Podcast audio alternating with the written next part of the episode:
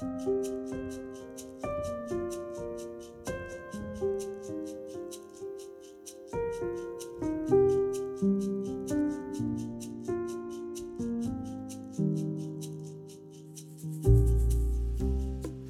tid til annen får Petro-redaksjonen inn interessante spørsmål fra lytterne.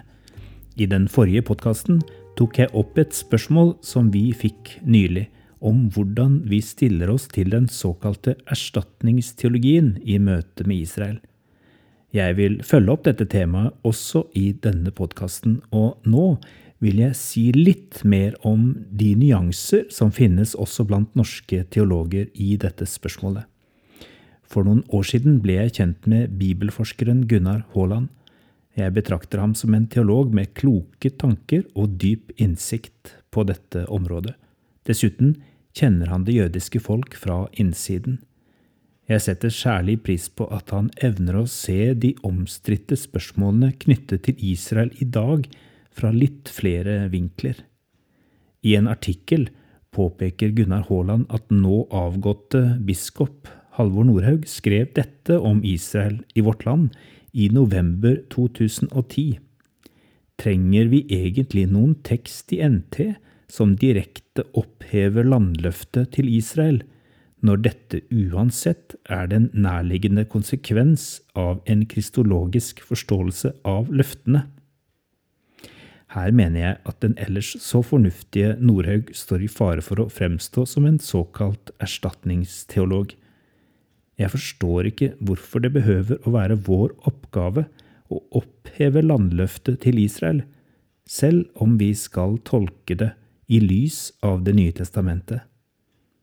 Hvis vi skal ta biskopen i beste mening, ønsker han å advare om at en del norske kristne trekker altfor direkte koblinger mellom det som skjer eller skal skje i Midtøsten i dag, og gammeltestamentlige tekster om landet de ble lovet.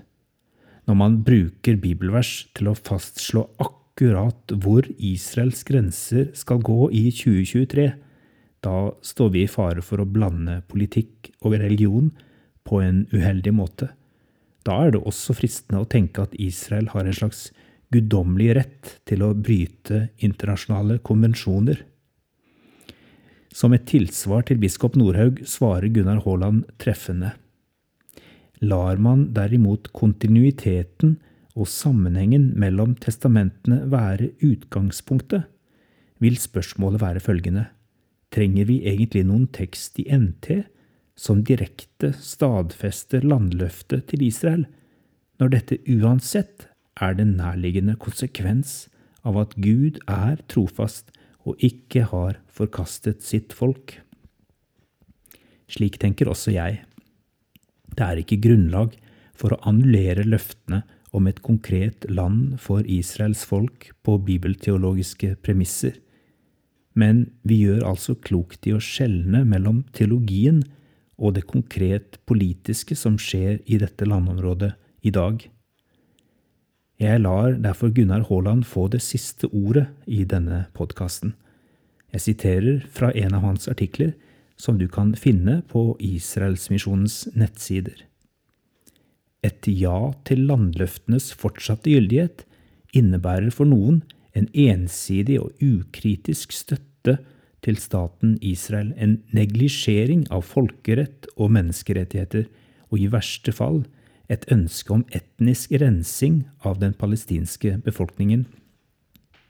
Problemet er da ikke den prinsipielle bibelteologiske forståelsen av landløftene.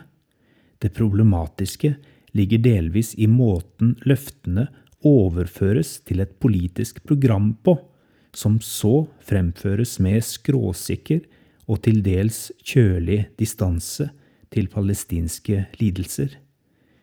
Som luthersk teolog tenker jeg at den såkalte toregimentslæren er anvendbar også i Midtøsten. Gud styrer verden på to måter, gjennom to regimenter. Gjennom politiske myndigheter, det verslige regiment, og gjennom kirken, det åndelige regiment. I politikken er det fornuften som styrer, mens Guds ord er avgjørende i kirken. Moderne landegrenser skal dermed ikke tegnes med GT som avgjørende norm, og spørsmålet om en tostatsløsning må behandles som et politisk spørsmål, ikke et teologisk. Etter min mening må oppfyllelsen av løftene prinsipielt sett være Guds egen sak, hvor og når og hvordan Han vil. Innenfor mitt teologiske univers er det veldig vanskelig, for ikke å si umulig, å avlese Guds handlinger i vår konkrete historie, både på det personlige plan og i det nasjonale og globale. Jeg tror at Gud er historiens herre, men for meg hører det teologiske perspektivet på historien primært hjemme i bønnens verden. Vi ber om at Gud må lede jordens folk og nasjoner, og vi ber for kongehus og politisk lederskap. Men jeg tolker verken oljefunn i Nordsjøen eller kursfall på børsen som uttrykk for Guds inngripen, og jeg tolker ikke 22. juli 2011 som Guds straff over Norge eller Arbeiderpartiet, ei heller som en guddommelig advarsel. Denne tilbakeholdenheten mener jeg må ligge til grunn også om vi vil forsøke å tolke begivenhetene i Midtøsten i teologiske termer. Selv om det altså finnes gode grunner til å la bibelteologiske argumenter ligge i mange sammenhenger, tror jeg likevel ikke at dette kan være en konsekvent strategi. Staten Israel er i stor grad basert på en teologisk idé. Israel er ikke som alle andre stater, og konflikten ikke som alle andre konflikter. Strategien må vel heller være å se an tid, sted og situasjon, og så, i noen tilfeller, å bruke Bibelen og teologien konstruktivt til å fremme forståelse, rettferdighet og fred. Denne muligheten mener jeg at man langt på vei forspiller hvis man avviser at landløftene fortsatt har gyldighet for Israels folk. For hvordan skal man, gitt at forholdene ellers ligger til rette for det, kunne gå inn i en troverdig dialog med jøder om Guds krav ifølge Bibelen, hvis man samtidig, på erstatningsteologisk vis, avviser gyldigheten av Guds løfter til Israels folk?